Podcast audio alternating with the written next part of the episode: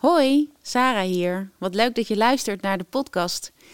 De podcast is ooit ontstaan naar aanleiding van mijn boek Ode aan de Magie. Wil jij ook een exemplaar van het boek? Ga dan naar odeaandemagie.nl. Welkom bij Ode aan de Magie. Vandaag brengen wij een Ode aan de Magie met Martijn Daalder. Schrijver, generalist, ontraadselaar. Hij weet alles over de perfecte code voor samenwerking en over de magie van de rivier. En toen kwam iemand die zei, wat jij eigenlijk doet is, uh, jij ontraadselt het systeem voor ons. Mensen van uh, 25, 23, 22 met een kano de Maas op en dan gaan we laten zien en voelen hoe zo'n rivier systemisch eigenlijk werkt. En wat er gebeurt met hoogwater en met laagwater en wat, wat kiezels eigenlijk zijn. En... Yes. Op magische wijze heeft deze aflevering van Ode aan de Magie jou bereikt. Wat, uh, wat leuk dat je luistert. Ik ben hier met uh, Sarah. We zitten midden in Amsterdam. In, uh, in een soort, heet dat, een souterrain. Dus af en toe dan rollen er hier koffertjes voorbij. Of voor je toeristen op de achtergrond plannen maken voor wat ze hier gaan doen. En misschien is dat dan wel naar een boekwinkel om bijvoorbeeld het boek De Samenwerkingscode te gaan, te gaan aanschaffen. Sarah, zou zo maar kunnen. Het boek van, uh, van Martijn uh, Daalder, bij wie we ook nu te gast zijn. Dat is heel erg fijn. Ja, um, ja we zitten in uh, de ruimte van Martijn Daalder. Ja. Hey, de samenwerkingscode, ik, ik kan me wel zo voorstellen, bij samenwerking komt ook wel magie kijken. Wil je het laten lukken? Ik, ik vermoed dat, dat het woord code in de term zit, dat het ook gewoon dus blijkbaar heel praktisch is. Ja. Toch had jij zoiets van, Martijn moet wel in onze podcast over magie. Ja, maar dat komt omdat ik Martijn al uh, wel even ken. En dat eigenlijk elk gesprek wat ik met Martijn heb gevoerd, en ik ken hem echt al best wel lang, toevallig, nou ja, via andere wegen. Ik vind het gewoon altijd super boeiend. Maar het lijkt wel alsof Martijn over elk onderwerp iets weet. Dus ik, ik, ik, ik merk ook dat af en toe moet ik hem ook bellen. Bijvoorbeeld als, als, als we vroeger in het bedrijfsleven, als Sven en ik dan ergens voor stonden en we wilden iets van verdieping brengen bij een organisatie. Dan, en we kwamen niet verder, dan zeiden we tegen elkaar: we bellen Martijn. en dan wist Martijn altijd daar iets over te zeggen. Dus wij hebben eigenlijk een uh, orakel in onze uitzending. ja. Orakel Martijn Daalder, welkom. Ja. Dankjewel. Is het zo dat jij gewoon zo'n brede interesse hebt? Of heb je gewoon heel veel verschillende dingen gedaan dat je zoveel over van alles weet? Ik, ik vind niet dat ik heel veel gedaan heb. Ik, ik geloof wel dat ik heel breed ben geïnteresseerd. Dat, dat verschuift. Uh, uh, natuurlijk ook je, je interesses. Ik denk dat ik uh, altijd heel erg bezig ben geweest met het begrijpen waarom iets zo is. waarom, hoe het werkt. Om achter het gordijn te kijken. Om het, ja, toen ik. Dit boek was er op een gegeven moment. Maar ik had nog geen titel. En ehm, en toen ben ik mensen gaan uitnodigen en gevraagd van wat doe ik nou eigenlijk als ik met jullie praat? Want het is ook mijn werk eigenlijk. En toen kwam iemand die zei, wat jij eigenlijk doet is, uh, jij ontraadselt het systeem voor ons. En, uh, een mooi woord. Dat, ja, dat vond ik ook, uh, ook mooi. Leuk is natuurlijk als je eenmaal het systeem ontraadselt, dan zit daar altijd weer een raadsel achter. Maar, maar goed, hè, je, je ontraadselt het systeem tot op het niveau dat het voor iemand makkelijker wordt om daar zijn koers in te bepalen of haar koers in te bepalen, hun koers in te bepalen. Um, en dat is een rol eigenlijk die je uh, ontdekt. Um, en die, die moet je maar omarmen. Nou, die heb ik heel erg omarmd. Ik vind dat een hele mooie rol. En dat, is, dat betekent ook dat je over heel veel dingen iets weet. Uh, maar ook, dat uh, maakte mijn mijn lieve vrouw mij laatst op attent. Zei, maar je bent wel rete onnauwkeurig. Dus je weet, het, je weet hoe het systeem, weet je precies hoe dat werkt en kan je ook heel goed uitleggen. Maar dan ga je vertellen hoe dat precies werkt en dan maak je allemaal kleine foutjes en dan weet je het niet precies. En dan, maar het interesseert je gewoon helemaal niks. En dat klopt, want wat mij interesseert is het systeem. Je bent een generalist. Ik ben echt een generalist, uh, maar ik kan wel op basis van de patroonherkenning. Daar, ik ben een goede patroonherkenner en een goede patroonduider, een patroondenker. Uh, kan ik heel snel in het gesprek mee. Maar ik weet het natuurlijk niet echt. Dat weet jij. Dat is althans de bedoeling. Hmm. Maar eigenlijk, ik vind het best wel dapper dat je een, een boek hebt geschreven en dat je dan gaat vragen aan anderen, dus weer wederom vanuit nieuwsgierigheid, wat doe ik eigenlijk? Dat je durft te vertrouwen op wat iemand anders daarover kan zeggen. Want zeg je nou dat de titel daaruit is ontstaan? Ja, ja nee, zo, dit is de, het systeem ontraadseld is de ondertitel. Eh, Mhm. de samenwerkingscode is echt eh, in de weken voordat ik eh, dat de kopij moest sluiten, is hier eindelijk eh, opgekomen. Dus dat is een hele mooie, eh, dat is een mooie samenloop. Mhm. Eh, die zijn allebei afkomstig uit die gesprekken. Ehm, ik, dit, hangt, dit, is, het is meer een persoonlijke eigenschap. Eh, ik denk dat je ergens, eh, ergens eh, eh, in, in- in- dat is mijn beeld tenminste, ergens in je leven komt er een moment dat je denkt, eh, waar ga ik nou eigenlijk de informatie vandaan halen of de, de reflectie vandaan halen om zelf te veranderen? En nou, je kunt ook ontzettend in de spiegel gaan kijken of boeken lezen. En wat mij altijd het, eh, het beste heeft geholpen, is heel goed te luisteren naar wat andere mensen over je zeggen. Hm. Maar daar moet je ook gewoon naar vragen. En ik ben. Ik, ik, ik heb eigenlijk altijd eh, eh, redelijk autonoom gewerkt. En dan, dan, dan raak je. Je komt overal binnen, je drijft mee, je bent onderdeel van wat daar gebeurt, maar je gaat ook weer verder. Dan moet je heel goed. eh, eh, you got to know how to read the room. En als je hem niet kan lezen, dan moet je gewoon even aan iedereen vragen of ze het even willen voorlezen. Dus eh, nou, dat is, eh, en, dat is, en mensen vinden dat heel leuk om dat ook te vertellen. Wat is de magie van de samenwerkingscode? Want het, het klinkt Ja. inderdaad alsof daar magie in zit, en strategie. en... Ja, ja, ja. Nou, kijk, het is, laten we even. eh, Ik vind dat iedereen het boek moet begrijpen, maar ik vind niet dat iedereen het moet lezen, want het is een, ook een heel, zeg maar heel eerlijk, het is, het is een heel. Oké, ik ga mezelf even een paar veren in mijn kont steken. Het is heel mooi geschreven, het ziet er prachtig uit, maar het is wel een heel technisch, een beetje een kil boek. Hè? Het, is een, het, het beschrijft eigenlijk eh, hoe systemen tot stand komen en hoe je daarmee om moet gaan om jouw doelen te bereiken. Eh, wat dat ook is. Het is Wat- wel een heel aantrekkelijk boek, maar ik vind het heel mooi vormgegeven. Nou, dat, dankjewel. Eh, Dat, dat heb ik niet zelf gedaan. Daar heb ik echt eh, shout-out. Moker Ontwerpers, echt de allerbeste boekontwerpers van Nederland. Ze hebben het willen doen, want daar moet je bijna solliciteren om daar binnen te komen.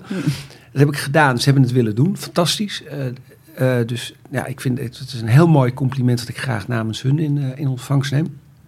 Maar de, eh, het is eigenlijk zo gegaan. Eh, de, op een jaar of 10, 15 geleden kwamen mensen allemaal met samenwerking binnen. Van, oh, we moeten gaan samenwerken, dat is heel belangrijk, want geld is op en, en het is allemaal heel moeilijk. En we gaan samenwerken, want dan kan het gratis, want dan gaan zij doen wat ik eigenlijk moet doen. En dan, gaan en dan zijn we twee keer zo efficiënt. En dan, nou, en dat...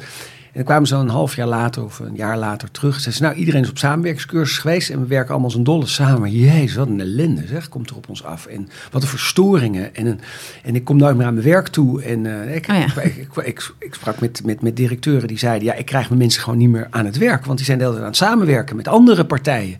en we moeten het even heel goed benoemen. Ik heb het dus niet over de samenwerking tussen mensen in een organisatie. Het gaat mij echt over hoe gaan die organisaties samen door de bocht. Het kunnen ook ZZP'ers trouwens zijn. Nou, elke ZZP'er weet, ik kan de hele dag koffie drinken met iedereen. Ja, dat is zo gebeurd. En dan als je dan ook nog eens zegt, nou gaan we samen dingen doen. Dan ben je niet alleen elke dag koffie aan het drinken, maar ook nog s'avonds eh biertjes aan het drinken. En je komt nooit meer aan je werk. Mhm. Wordt Samen- een sociaal ding. Het wordt een, en het wordt ook een sociaal wenselijk ding. Eh, en eigenlijk die ZZP'er en de directeur van eh, Unilever Nederland heeft straks hetzelfde probleem. Welke samenwerking is nou de moeite waard? Mhm. En welke samenwerking is nou niet de moeite waard? En heb ik hem nou goed ingestoken of niet goed ingestoken? Nou, dat heb ik dan op een gegeven moment heb ik daar een idee bij bedacht hoe je dat moet. moet, moet dat heb ik ontraadseld. Hè. Zo moet je daar naar kijken. Dit zijn de samenwerksverbanden die er bestaan. Eh, dat is heel gek, dat bleek nog niemand op die manier beschreven te hebben. En dat durf ik nu ook echt hardop te zeggen. Dat heeft nog niemand eerder op die manier gedaan. Dat is mooi. En toen kwam er iemand naar me toe en die zei: Ik geloof het. Wil je het nog even bewijzen Hmm. dat het zo is? Eh, wil je nog even, uit welke krachten komt dat nou voort? Welke, en dan, ja, dat vond ik een ontzettend leuke vraag. Eh, en dan kom je uit op hoe informatie zich gedraagt. En dan kom je uit op hoe het leven zich gedraagt. En dan kom je uit hoe het leven eh, verandert door evolutie en welke krachten daar spelen. En dan kom je uit bij hoe evolutie eh, eigenlijk de bron is van allerlei patronen en systemen die weer met elkaar samengaan of in concurrentie met elkaar gaan. En dat, dat, is, dat versnelt en dat, dat wordt hechter, vooral omdat er op een gegeven moment in die evolutie zijn wij ontstaan. En wij zijn de eerste die kunnen nadenken over, over dat patroon. Dat, is, dat versnelt dat proces weer. Nou, dat is iets heel raadselachtigs.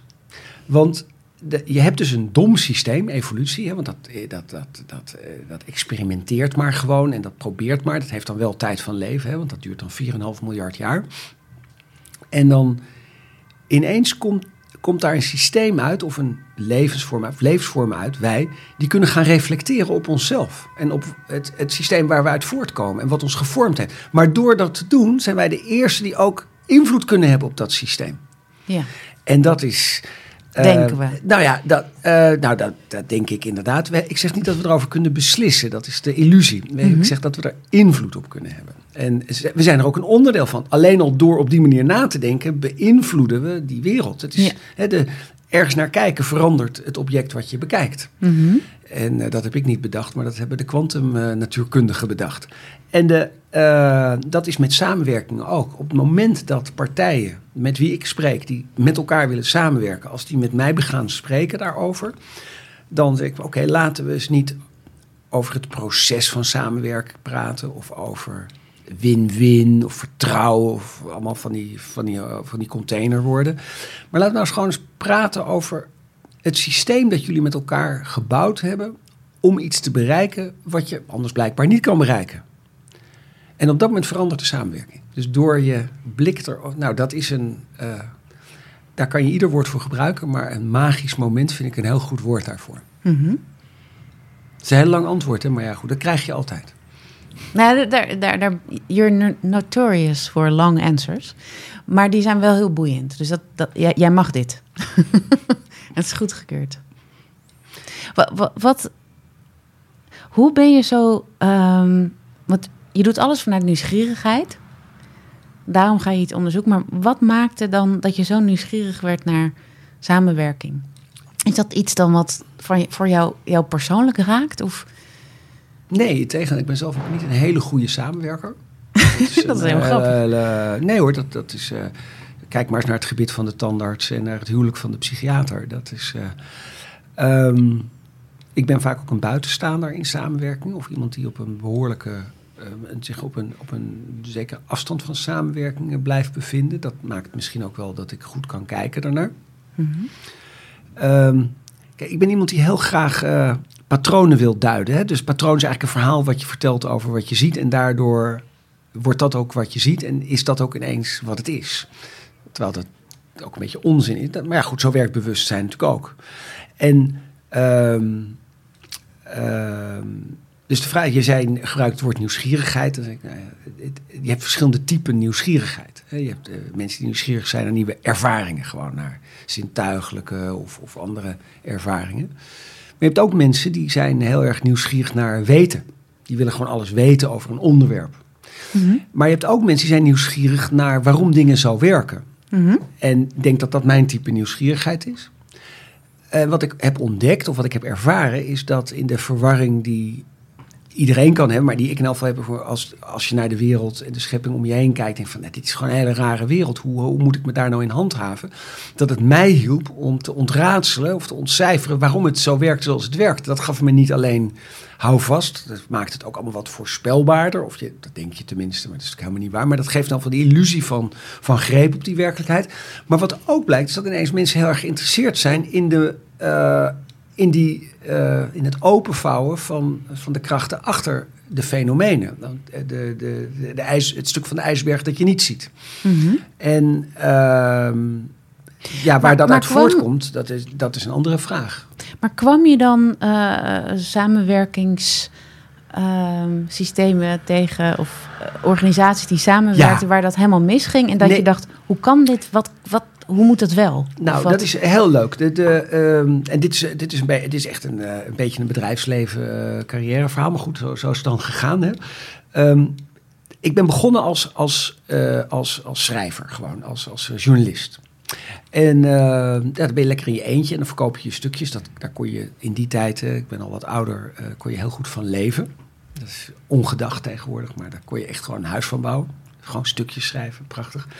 En op een gegeven moment ga je vanuit die stukjes ga je ook reclame maken. Nou, dat is uh, natuurlijk echt, dan verkoop je jezelf een beetje uit. Maar dat is ontzettend leuk. En je komt de leukste mensen tegen. Echt, dat is een hele leuke wereld. Met dus je hebt een oordeel op dat deel van je werk wat je ja, ja, ja, ik vind echt, ik, ik vind het, ik heb echt, ik vind niet dat ik heel veel, door het verkopen van beleggingsfondsen, vind ik niet dat ik heel veel aan de wereld heb toegevoegd. Maar ik vind wel dat ik het ontzettend goed heb gehad met mijn collega's. Ik heb daar vrienden voor het leven gemaakt. Oké. Okay. zelfs mijn vrouw ontmoet. Maar de, de, en je was er heel goed in? Uh, nee, ik was heel goed. Nee, waar ik heel goed in bleek te zijn, was het gesprek. En nou komen, dit is precies het bruggetje. Mm -hmm. Ik bleek heel erg goed te zijn in het gesprek met de baas van de baas van mijn opdrachtgever.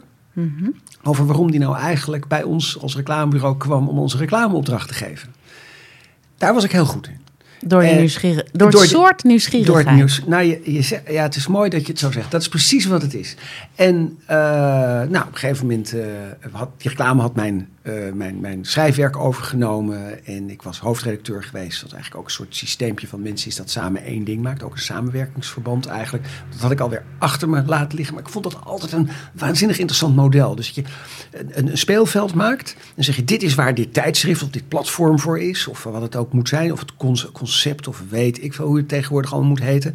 En dan zet je mensen neer en die begrijpen dat en die gaan dan hun eigen dingen maken binnen dat speelveld. En daardoor verandert dat speelveld, maar blijft het ook hetzelfde en groeit het ook. En mensen die er buiten staan, die begrijpen ook wat daar gebeurt. Die gaan dus elke dag de NRC kopen of de. Want dat ze dat.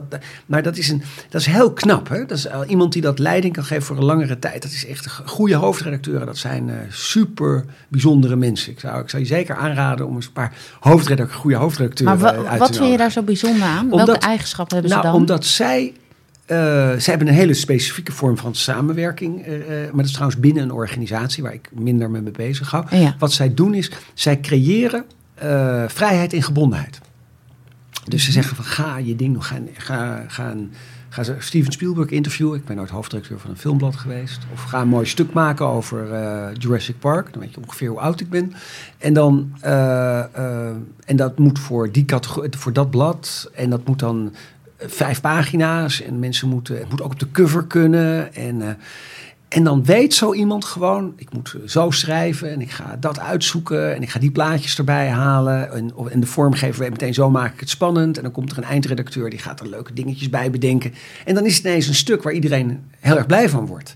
En dat komt omdat ze allemaal hun ding doen, maar dan binnen dat frame. En dat frame dat wordt de hele tijd bewaakt door iemand die mee moet bewegen, maar ook grenzen moet stellen. En, en, en mensen die heel erg veel autonomie willen hebben, die autonomie gedeeltelijk geven, maar gedeeltelijk ook niet. Dus er zit een hele menselijke kwaliteit, maar ook een abstract. Je moet op verschillende niveaus op dat concept denken, moet je kunnen werken, maar je moet ook uh, eigenlijk gewoon woorden en comma's kunnen beoordelen. Want eigenlijk denken we dat het, het creatieve vak, dat dat volledig vrij is. Ja, is onzin. Maar binnen, maar hier zit een, een patroon in wat je moet volgen. En dan lijkt het alsof je creativiteit de, volle, de, vrije loop kan laten. Er is heel veel onderzoek gedaan naar uh, reclame ook. Dat, uh, dat, uh, er zijn zeven strategieën om reclame te maken. Mm -hmm. Die kun je uitleggen aan mensen. Dat kost ongeveer een uurtje.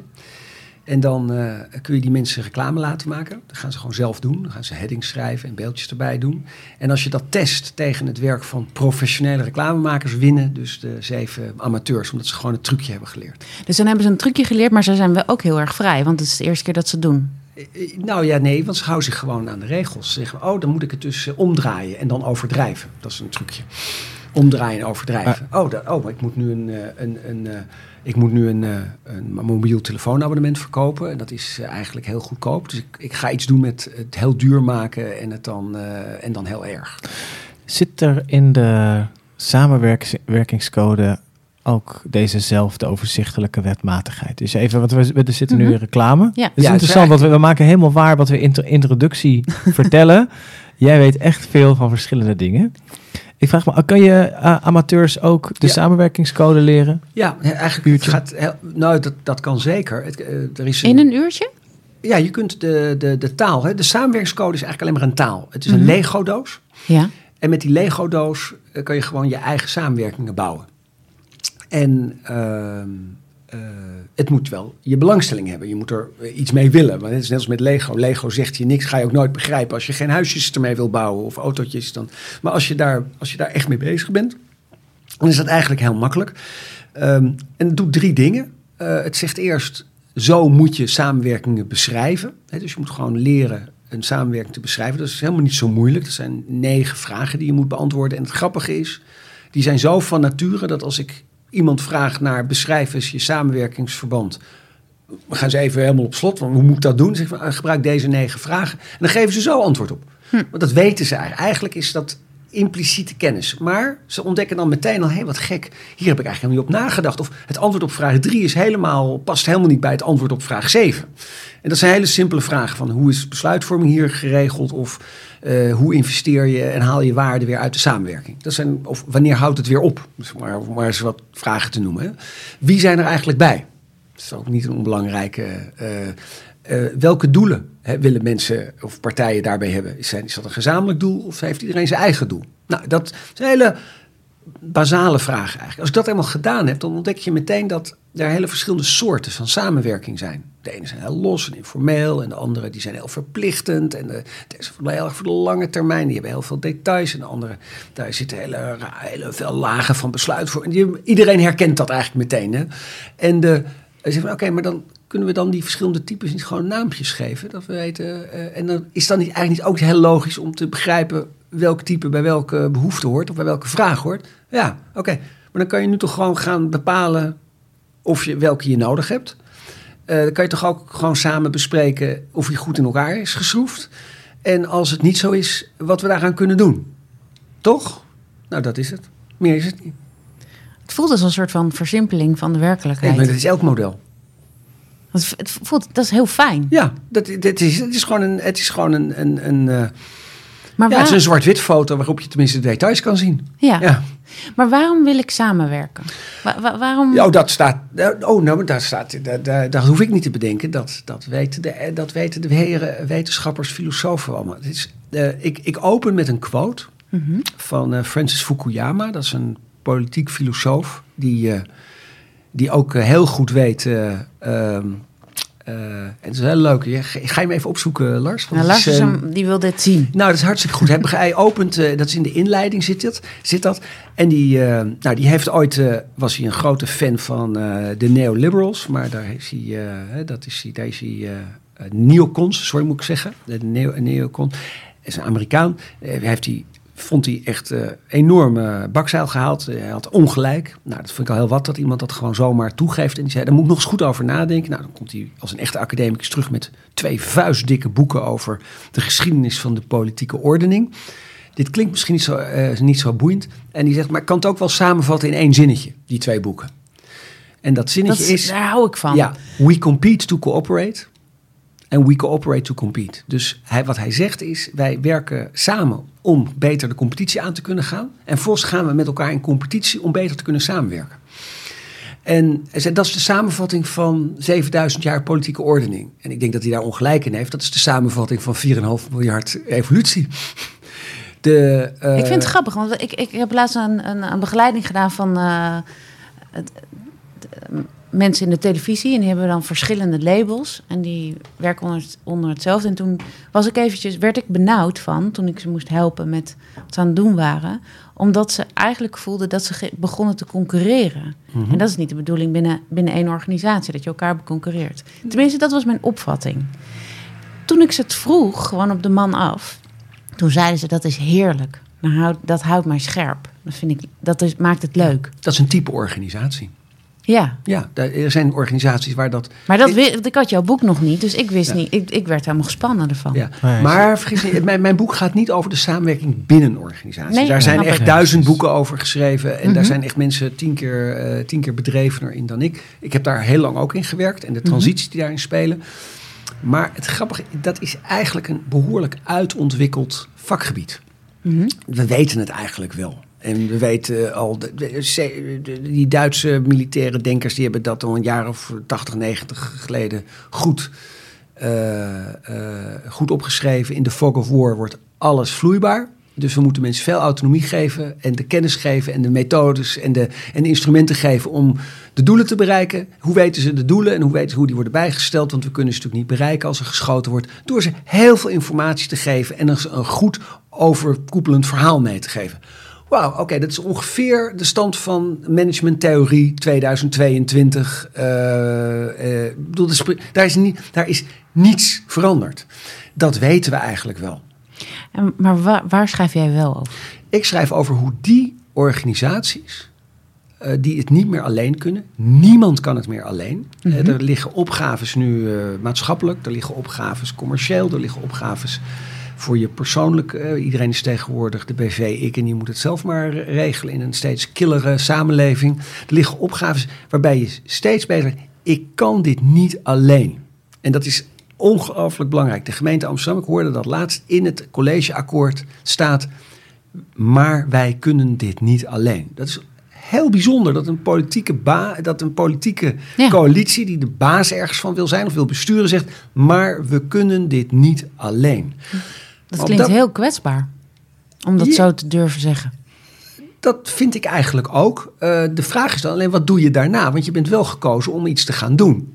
Nou betekent dat niet dat je ook iets hoeft te gaan doen. Je kunt ook zeggen, daarom gaan we even vier jaar niks doen. En kijken hoe het dan loopt. Want dan weten we tenminste, misschien gaat het dan wel veel beter. Maar dat, dat is, daar zijn ze niet voor aangenomen. Dat doen ze niet. Maar de vraag alleen al, we kunnen het niet alleen. Dit, dit mijn boekje, mijn, mijn, mijn framework, mijn, mijn manier van kijken naar deze laag van samenwerken, samenleven.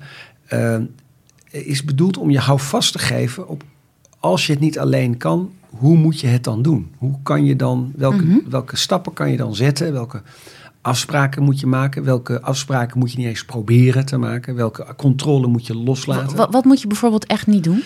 Um, welke afspraken moet je niet maken? Um, wat je in ieder geval niet moet doen, is uh, doelen, als je elkaar aardig vindt of als je een bepaalde opgave gemeen hebt, bijvoorbeeld rond het landelijk gebied en stikstof, ik noem maar eens wat, hè, dat is een beetje actueel nu, mm -hmm. uh, dat je dan elkaar vriendelijk aankijkt en zegt we hebben de opgave gemeenschappelijk, want we moeten allemaal iets met, die, met, met dat landelijk gebied. Dan gaan we nu samenwerken zonder het eerst heel erg hard over de doelen te hebben en te onderzoeken of we ook een gemeenschappelijk doel hebben. Ga niet in verplichtende samenwerkingen zitten als je er niet echt uit bent over de gemeenschappelijkheid. En dat is geen gezellig gesprek. Denk niet dat je daar organisch uitkomt. Denk niet dat je daar vanzelf uitkomt. Uh, denk niet dat dat zomaar tot stand komt. Dat is een van de. Nou ja, daar, dat, is, dat is een groot onderdeel van de ellende die er uh, nu is. Dus eerst heel erg helder maken waar je het over hebt. Geaard. En wat je wilt bereiken. Het, ge het gemeenschappelijke doel voor ogen. Of, of als het dat er niet is, dat dan onder ogen stellen en zeggen van misschien is onze samenwerking er wel op gericht om te kijken, dat kan al een heel belangrijke opdracht zijn.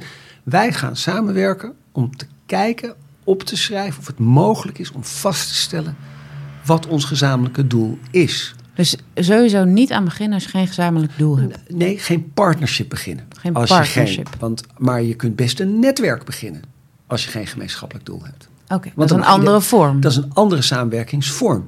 Je kunt ook een contractsamenwerking aangaan als je geen gezamenlijk doel hebt. Want dan kun je zeggen, wij hebben geen gezamenlijk doel, want jij werkt voor je aandeelhouders en ik werk misschien wel voor, uh, uh, voor de, de Nederlandse overheid of voor de gemeenschap. Maar we moeten wel heel veel gaan afstemmen en coördineren en combineren en, en op elkaar leren vertrouwen dat we onze rollen goed spelen. Dat kunnen we niet doen als partnership, want ik heb namelijk verkiezingen en jij hebt aandeelhouders, dus dat werkt niet. Uh, het wordt wel de hele tijd publiek-private samenwerking genoemd, maar dat is echt een, een hele merkwaardige onzinterm. De, de, de, de, dus een partnership kan daar dan niet, maar een netwerk en een contractsamenwerking kunnen wel.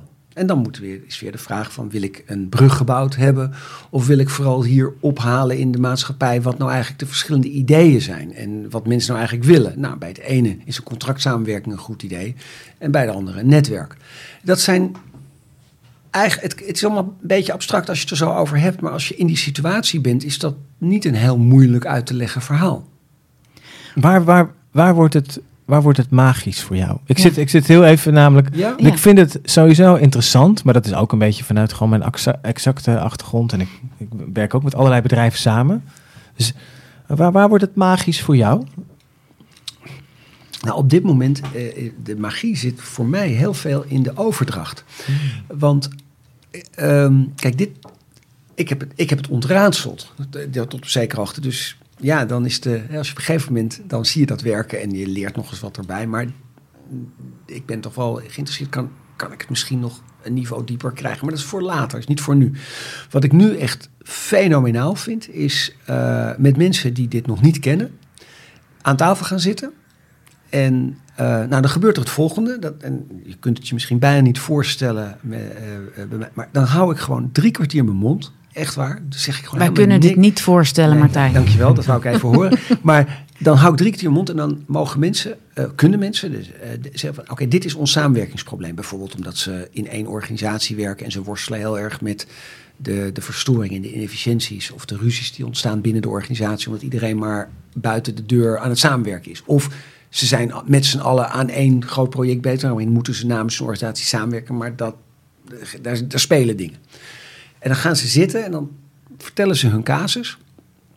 Het geval waar ze in zitten, dat kan heel groot, heel klein zijn.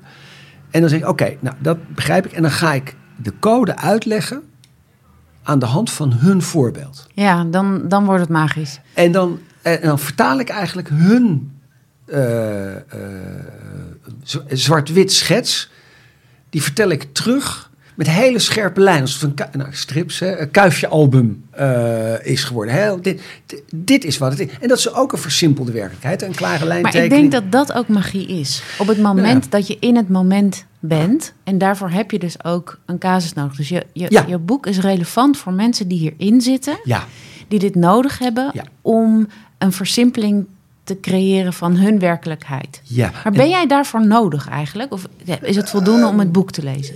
Um, nou, dat mag, dat, dat, dat weet ik niet eigenlijk. Hè. Um, ik denk dat uh, iemand met veel ervaring.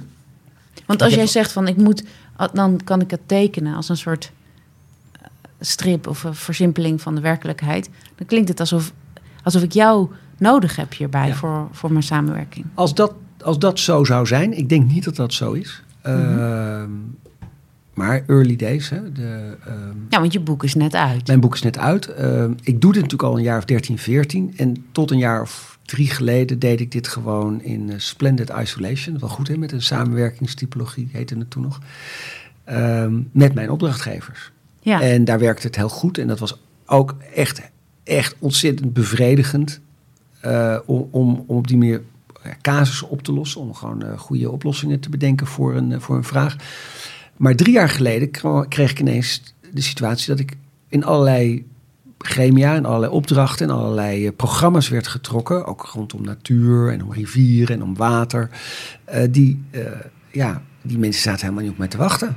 En ik kwam ook met allemaal conclusies waar ze helemaal niet blij van werden bij voorbaat. Dus ik moest ineens ook het uitleggen wat ik eigenlijk aan het doen was.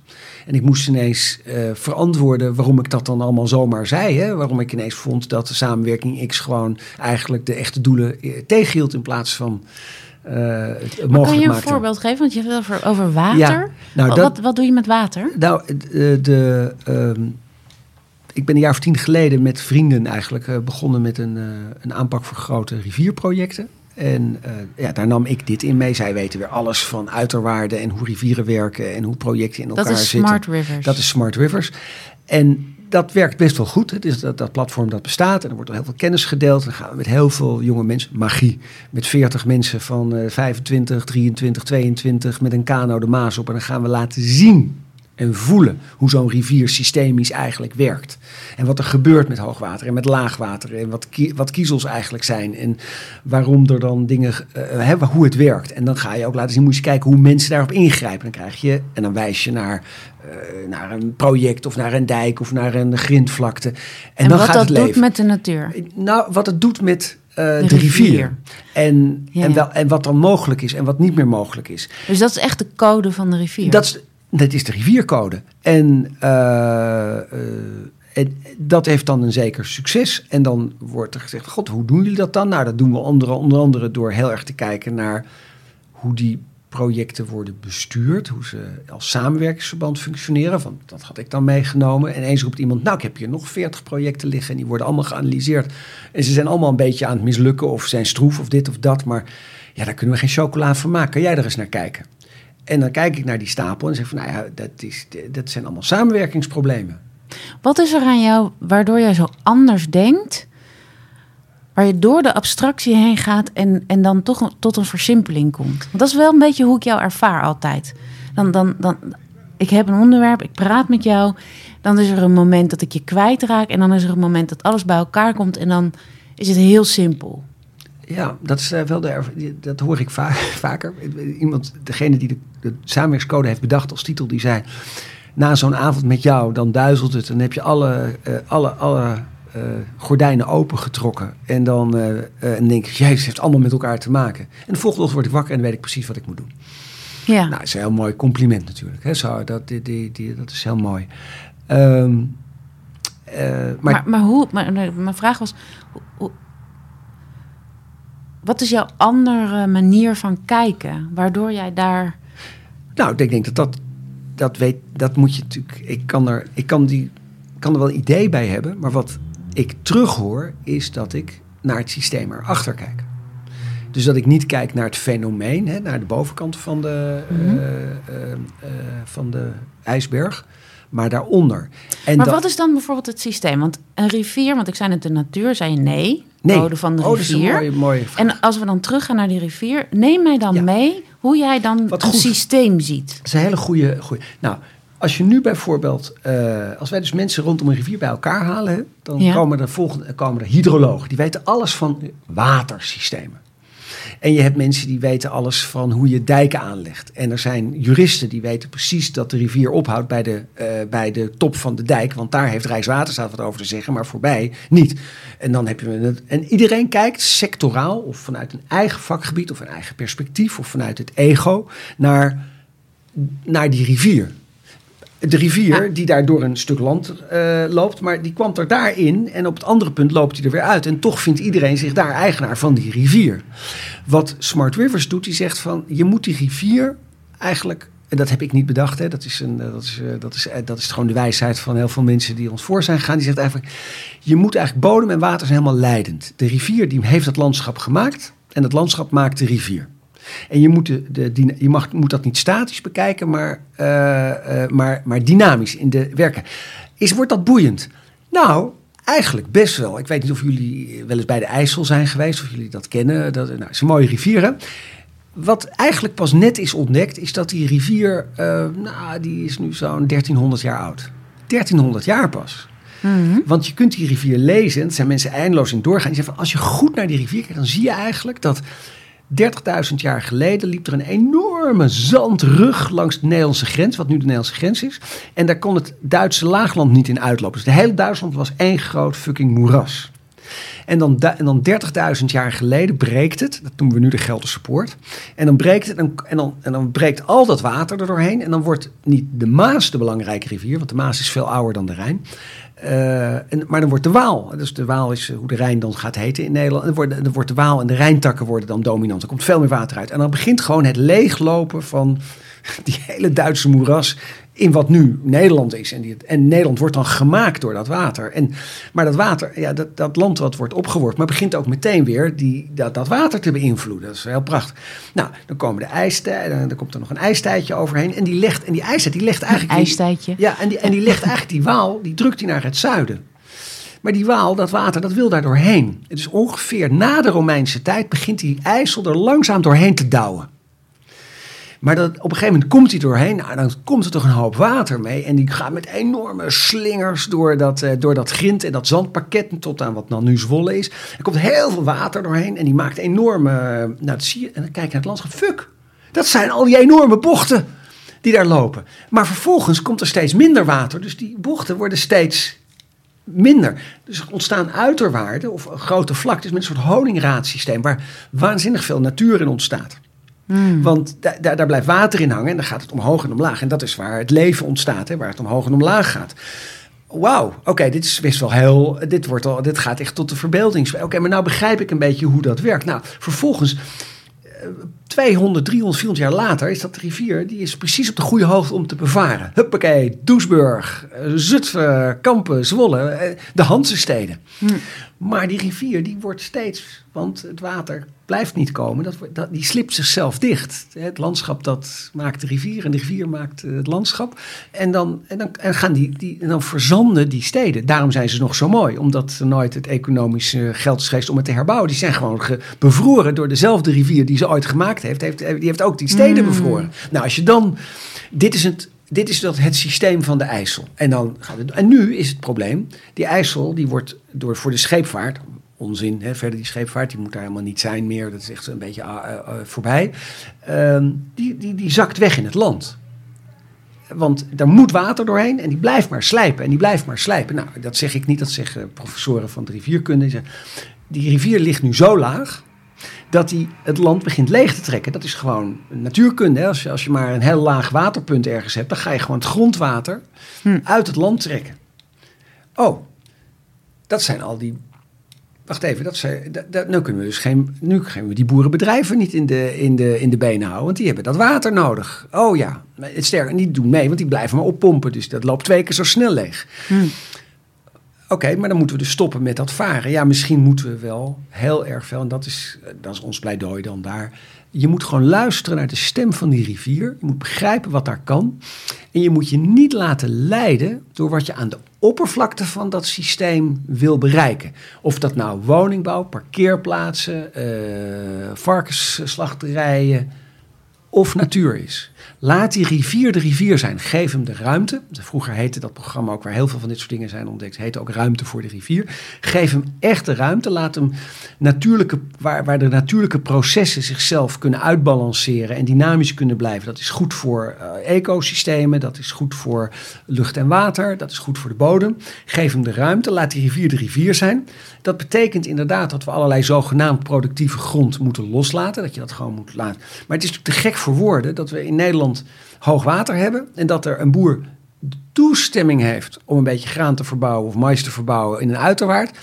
Een uiterwaard die is bedoeld om die rivier de ruimte te geven, maar dan zegt, maar ik wil hier graag wel wat zandzakjes, want anders kan ik mijn mais niet oogsten. Ga je schamen. Je begrijpt helemaal niets meer van de plek waar je bent en wat die rivier eigenlijk is. Dus luister naar de stem van die rivier. En je kunt naar ieder systeem luisteren. Ga maar. Als je, als je op dit systeem eh, eh, en deze metafoor eigenlijk ook, wat je Mhm. beschrijft, als je daar inderdaad naar kijkt door, door de ogen van de samenwerkingscode, nou, dat is, dan hoor ik jou eigenlijk ook al heel veel ingrediënten schetsen van, van waar je makkelijk de magie verliest. Daar waar er een commercieel belang is van een boer of een belang van een gemeente om te zeggen, ja, maar de wa- waterhoogte moet, een- moet een bepaalde, hè, moet aan onze kaders wel op een bepaalde hoogte staan voor toerisme. Of Whatever. het- Eh, eh, als je die gemeenschappelijke. Want ik moest zo denken, eh, eigenlijk al een stukje terug, toen je het ook, eh, toen we zaten over de reclamebedrijven en de. Waar, waar samenwerking lukt, daar, daar, daar droomde ik even over weg. Van het succesvolle. Dan, dan kom ik even uit bij zo'n heel groot, meeslepend voorbeeld als de missie naar de maan of zo. Waarbij ik me voorstel dat heel veel verschillende partijen met elkaar hebben moeten samenwerken. Want er moest brandstof bedacht en, en, en onderdelen bedacht. En dat dat dus werkte. Niet per se zonder slag of stoot. Ik ben er niet bij geweest. Ik kan me voorstellen dat er ook best geconcurreerd is. En, maar zou je dat kunnen identificeren als een, als een belangrijk doel? Dus als, als wij een soort van gemeenschappelijke droom en missie hebben, dat het dan ook automatisch makkelijker is om samen te werken? Ehm, als je een gemeenschappelijk doel hebt, dan is snel van een partnership hoort tot de mogelijkheid. Dat is een heel saai antwoord. Maar als je overstijgende opgaves hebt, echt waar je zegt van ja, de missie naar de maan, weet je wel. Wat, wat, Dat is is- deltaplan of eh, nou, is- stikstofcrisis. hele- nou, een hele, mag, een hele actuele. Het is heel technologisch, maar ik vond het een heel leuk voorbeeld. werd mij laatst verteld. Ehm, we, we weten dat onze huidige computertechnologie die loopt een beetje tegen het einde van, van zijn leven, van zijn theoretische eh, groei aan. De, de draadjes op een chip die zijn nu geloof ik twee atomen breed. Nou, je kan nog naar anderhalf atoom gemiddeld en dan houdt het op. En dan kun je nog een beetje dit en een beetje dat en dan houdt het op. We weten ook wat de volgende fase is. Dat heet fotonica. Dan moet het met licht. Want dat heeft nog minder ruimte nodig, maakt minder warmte. Eh, nou, dat scheelt dan ook weer een hoop eh, CO2 in de lucht. Dan kunnen we weer gewoon allemaal bitcoins maken zonder al die, al die warmte. Maar, de, maar dat kan met. Maar we weten daar nog helemaal. Daar zijn de kaarten nog niet geschud. Nou heeft Nederland het fantastisch gedaan met die chips. En hoe kwam dat? Omdat wij eh, OC van de Grind hadden, de kopierboer, en we hadden de TU. En die waren heel goed in optische industrie. En je hebt die optische industrie nodig om, om chips te maken, want die etsen met, met lasers al die lijntjes op een chip. Dus, je hebt dus die optische industrie. We hadden een soort ecosysteem. Uh, en binnen dat ecosysteem had je allemaal partijen die helemaal niet altijd met elkaar samenwerkten of met elkaar, en soms ook met elkaar in concurrentie waren. Dus eigenlijk zo'n opdracht voor naar de maan creëerde een ecosysteem. Ook omdat er heel veel geld bij werd gepompt. Hè. Dus er was een opdrachtgever, een initiatiefnemer van een ecosysteem dat dingen op gang bracht. Er was een, soort richting, een soort shining castle on the hill. Uh, en hoe dat er precies uitzag en wanneer, dat wisten we allemaal nog helemaal niet. Maar daar gaan we met z'n allen naartoe. En daar gaan we geld voor geven. En gaan, en, en dan in dat ecosysteem komen dan initiatieven tot stand. Sommige zijn samenwerkingsinitiatieven, soms zijn netwerken, soms zijn echt uh, gewoon contracten die worden gegeven. Op een gegeven moment is er gewoon een contract gegeven om een motor te ontwikkelen. En dat is gewoon een contract. En het is weliswaar een heel ingewikkeld samenwerkingscontract, maar het is gewoon een contract. En er zijn er allerlei samenwerksverbanden die bloeien als bloemetjes op zo'n, in zo'n ecosysteem. En dat verandert het ecosysteem ook. En dat is ook dat is het levende karakter van de magie zoals je, als je zou willen. Nou, dat zijn wij nu in Nederland aan het doen rond die optische industrie. Dus de, de volgende, uh, de fotonica. Dus de, de, de volgende generatie. We zijn, ik geloof 1,1 miljard hebben we vrijgemaakt. En die gaan we verdelen over allemaal partijen. Dat we begrijpen ook wel een beetje hoe dat werkt. We hebben een, maan, een maanmissie bedacht met z'n allen. We willen, mhm. weer, we willen weer de volgende generatie ASML. De, wij de enige zijn die daar leidend in zijn. Het is heel bijzonder dat dat met die chips gebeurd is. En dat willen we doen. En dus we gaan uh, op basis van gaan we heel veel geld steken in in een ecosysteem. Dus niet één iemand alles geven of vijf mensen alles geven. Nee, we gaan echt een. Eh, dus innovatoren, dwarsdenkers, eh, maar ook grote industriële spelers, opleidingsinstituten, overheden, grondposities. Nou, gaat maar. Nou, daar denken wij echt over na. Er, is gewoon, er zijn organisaties opgericht waar werken nu wel 20, 30 mensen. En die zijn alleen maar bezig met waar moet je nou die anderhalf miljard wegzetten, of die 1,2 miljard, wat is het, om dat op gang te brengen. Nou, dat vind ik best wel heel knap als je dat kan, als je dat overziet.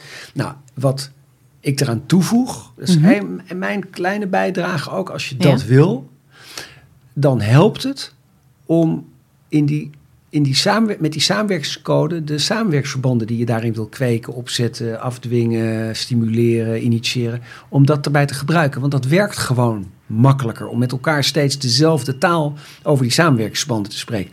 Die taal zelf is niet zo magisch de magie zit in, in of wat er ineens dan uit kan komen, wat je daarvoor ongedacht is. Maar die magie kan ook zitten in hoe mensen elkaar ineens ontmoeten of het gesprek kunnen aangaan. En daardoor iets, dan gebeurt er iets tussen mensen. Wat is het meest magische wat jij hebt meegemaakt in je eigen leven? In mijn leven? Ehm,